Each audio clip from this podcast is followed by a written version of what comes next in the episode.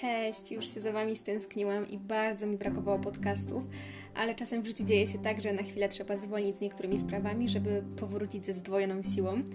Nie tracimy czasu, czekamy aż skończy się jingle i skupiamy się dzisiaj na Apokalipsie według świętego Jana i innych tekstach z Biblii, które moim zdaniem warto przeczytać. Dzisiaj ostatni podcast z tejże tematyki.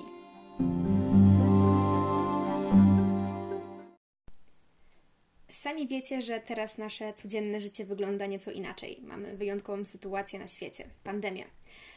I tak się złożyło, że przypada mi omówić apokalipsę. I wbrew pozorom myślę, że to całkiem dobry czas na takie rozmowy. Zakładam, że wielu z Was nigdy nie sądziło, że przeżyje taką blokadę całego świata, ale z pewnością każdy z nas kiedyś się zastanawiał, jak taki hipotetyczny koniec świata mógłby wyglądać. Popatrzmy chociażby na kulturę. Znany film 2012. Ja na przykład czytam teraz Bastion Stephena Kinga. Fabuła opiera się na zarażaniu wirusem. Jest pokazana sytuacja, jak łatwo się on roznosi, jak bardzo ludzie są zagubieni w tej całej sytuacji i też zdani na działanie sił od siebie niezależnych. Jestem dopiero na początku, a cała książka ma jakieś 1200 stron, więc jak skończę, to z pewnością Wam powiem, czy warto do niej sięgnąć. Ale cofnijmy się nieco w czasie, bo tematyka zagłady pojawia się w myśleniu ludzi od dawien dawna. I tak oto mamy nowotestamentową apokalipsę świętego Jana. Jest to jedyna prorocza księga Nowego Testamentu opisująca zagłady świata, powstanie nowego świata i sąd ostateczny. Jest tutaj bardzo dużo odniesień do Starego Testamentu. Oczywiście nie można określić daty bardzo precyzyjnie, ale przypuszcza się, że powstała po 68 roku naszej ery. Jest to jedna z najtrudniejszych do zrozumienia i bardzo różnie interpretowanych ksiąg biblijnych.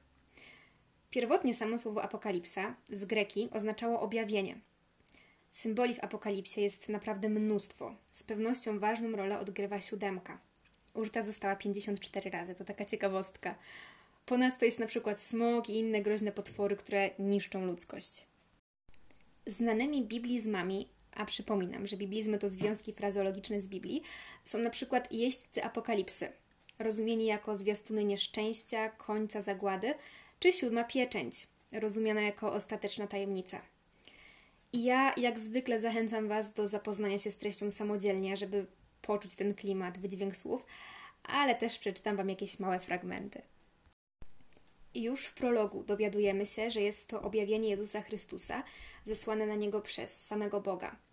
Mieli usłyszeć o nim słudzy na ziemi, co ma stać się niebawem. W tym celu Jezus wysłał na ziemię anioła, aby ten opowiedział wszystko Janowi.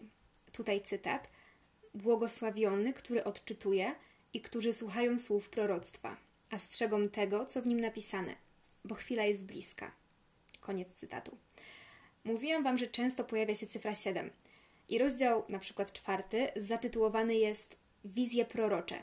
Siedem pieczęci, siedem trąb i siedem czasz jako zwiastuny wielkiego dnia gniewu Bożego, losy całej ludzkości. Dowiadujemy się, że ktoś siedzi na tronie w niebie. Dokoła tego tronu była tęcza, wokół 24 inne trony, na których zasiadali starcy. Było też dużo zwierząt podobnych do znanych nam gatunków, jak lew, wół czy orzeł, ale podobnych, nie takich samych. Wszyscy oddają cześć tej jednej najważniejszej osobie. Trzyma ona zapieczętowaną księgę, Tę księgę zabiera baranek, który wygląda na zabitego. Ma siedem rogów, siedmioro oczu. W dalszej części mamy też siedmiu aniołów. Każdy z nich trąbi i dzieje się coś strasznego. Na ziemię spada grad i ogień pomieszany z krwią. Wszystko płonie, niszczone jest słońce, księżyc, gwiazdy, ziemię spowija przez to częściowy mrok. Później jest już tylko gorzej. Szarańcza, która nie niszczy natury, a ludzi niewierzących w Boga. I to nie zabija – Ludzie mają cierpieć katusze miesiącami. Będą chcieli umrzeć, żeby doznać wybawienia od tych mąk, ale nie będzie to możliwe. Przy szóstej trąbie pojawiają się czterej aniołowie, którzy zabijają jedną trzecią ludzkości. Z pysków koni wylatuje ogień, dym i siarka. Przy siódmej trąbie w niebie pojawiły się głosy mówiące nastało nad światem królowanie Pana naszego i Jego pomazańca i będzie królować na wieki wieków. Ukazała się też Arka Przymierza, a przy okazji błyskawice, grad, wielkie trzęsienie ziemi. Pamiętacie tę zapieczętowaną księgę na początku? Anioł zstąpił z nieba i powiedział Janowi: Zapieczętuj to, co siedem gromów powiedziało, i nie pisz tego. Później Jan dostał polecenie zjedzenia tejże księgi. Ale co z ludźmi? Otóż wszyscy zmarli sądzeni byli według ich poczynań w trakcie życia. Jeśli się ktoś nie znalazł w księdze życia, to został wrzucony do jeziora ognia, czyli potępiony. I wiecie, nie było czegoś takiego, że albo niebo, piekło, albo czyściec, po prostu albo niebo, albo piekło. Po sądzie ostatecznym mamy opis nowego stworzenia Jeruzalem Niebiańskiego. W nowym świecie ma nie być już śmierci. I tutaj fragment cytatu. Oto przybytek Boga z ludźmi. I zamieszka wraz z nimi, i będą oni jego ludem, a on będzie Bogiem z nimi. I otrze z ich oczu łzę wszelką, a śmierci już odtąd nie będzie, bo pierwsze rzeczy przeminęły. Stało się. Jam alfa i omega, początek i koniec. Ja pragnącemu dam darmo pić ze źródła wody życia. A dla tchórzów, niewiernych, obmierzłych, zabójców i wszelkich kłamców udział w jeziorze gorejącym ogniem i siarką. To jest śmierć druga. I na dobrą sprawę to tyle. Jasne, bardzo z grubsza.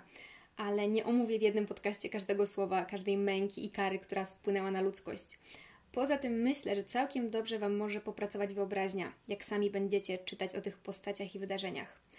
A pomóc Wam w tym mogą dodatkowo jeszcze inne teksty kultury, np. Dies Irae Jana Kasprowicza.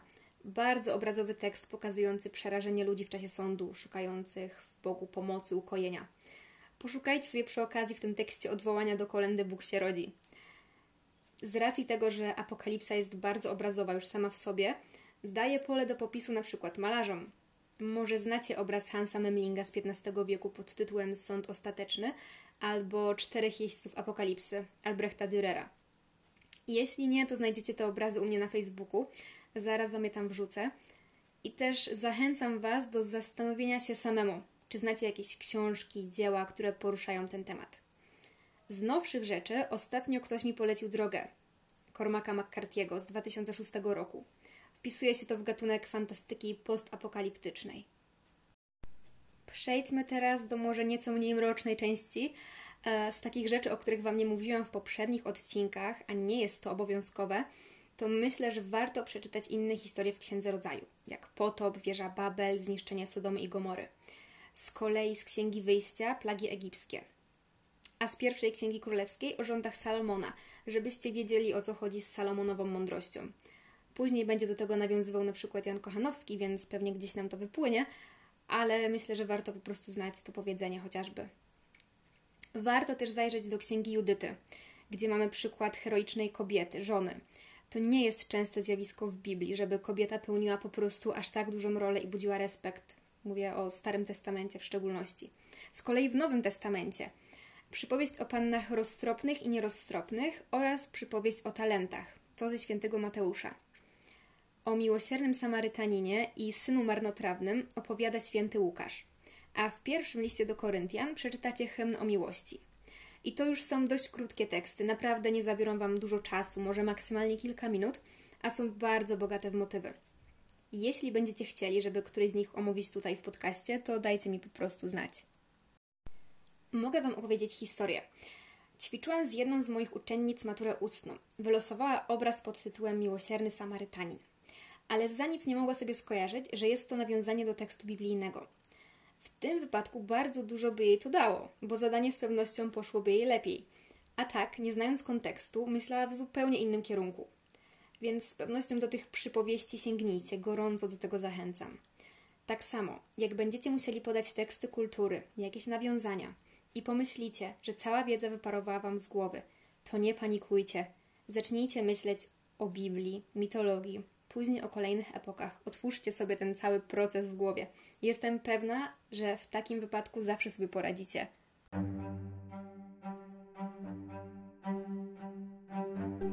Kochani, tym sposobem przebrnęliśmy w te kilka tygodni przez Biblię, przez wymagania podstawy programowej na poziom podstawowy. Kolejnym punktem w naszej podróży przez epoki jest mitologia. Właśnie się zastanawiam, czy zrobić jeden większy odcinek, czy kilka mniejszych. Jeszcze to przemyślę. E, możecie zasugerować mi coś w komentarzach. Ok, to do następnego razu. Pa!